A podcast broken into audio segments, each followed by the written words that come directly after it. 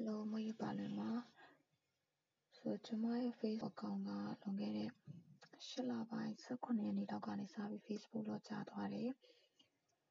ရက်ွက်ထဲမှာဒီလိုမငြိမ်မငြိမ်ဖြစ်တယ်ရရနဲ့ဖြစ်တယ်ဆိုတဲ့နေရာမှာအကောင့်ခဏလောက်ကျွန်မ log out လုပ်လိုက်မိတယ် log out လုပ်ပြီးပြန်ဝင်လိုက်တဲ့အချိန်မှာကျွန်မဖုန်းနံပါတ်ချိန်ထားတာလည်းပါတယ်နောက်ပြီးတော့ two factor ပြန်ပို့တဲ့နေရာမှာဖုန်းနံပါတ်အဟောင်းကိုပဲ ပို့နေကျွန်မကလည်း ထပ်ခါထပ်ခါ ပြန်ပြီးတော့အကောင့်ကိုပြန်ယူတဲ့နေရာမှာ Facebook ဘက်က lock ချလိုက်တာ ဖြစ်ပါတယ် အခုထိလည်း ပြန်ယူလို့ မရသေးပါဘူး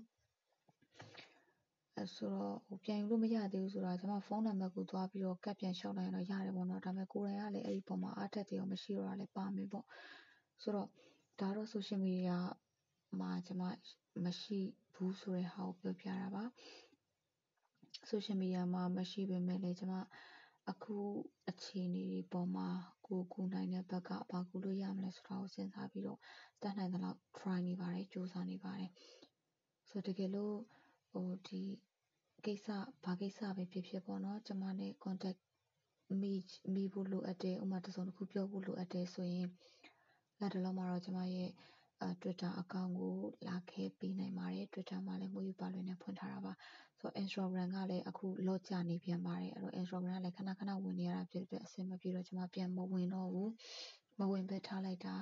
နောက်တစ်လုံးမှာတော့ အခု Twitter ကတော့ အဆင်ပြေနေပါတယ် ဆိုတော့ တစုံတစ်ခု ပြောဖို့ရှိရဆိုရင် Twitter ကို လာခဲ့နိုင်ပါတယ်လောလောကတော့ ကိုယ်တိုင်ကလည်း ဘာပြောလို့ပြောရမှန်းမသိတဲ့အပြင်ဟိုဘာမှလည်းမ ပြောတတ်ဘူးပေါ့နော်ဆိုတော့အဲဒါကြောင့်မှကိုယ်တိုင်ကလည်းဒီကာလမှာမိသားစုရဲ့ကျန်းမာရေးကိစ္စတွေလည်းအများကြီးဖြစ်ခဲ့တယ်ဆိုတော့အလုံးစုံသောအကြောင်းတွေပေါ့နော်ကိုယ့်ရဲ့ personal အရာအရင်အနှောက်အယှက်ဖြစ်ရတဲ့ကိစ္စတွေအများကြီးကြားထဲမှာမှအခုလက်ရှိဖြစ်နေတဲ့အခြေအနေတွေကြားပေါ့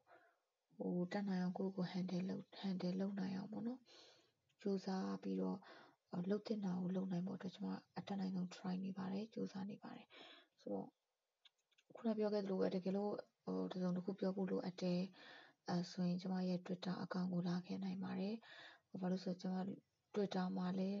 လူသိပ်မရှာတတ်တော့ပြောဖို့လိုအပ်ပြီးဆက်သွယ်ဖို့လိုအပ်ပြီးဆိုရင် Twitter ကိုလာခဲ့ဖို့ပြောချင်ပါတယ်ရှင်ဆိုတော့အားလုံးပဲအဆင်ပြေကြပါစေကျေးဇူးတင်ပါတယ်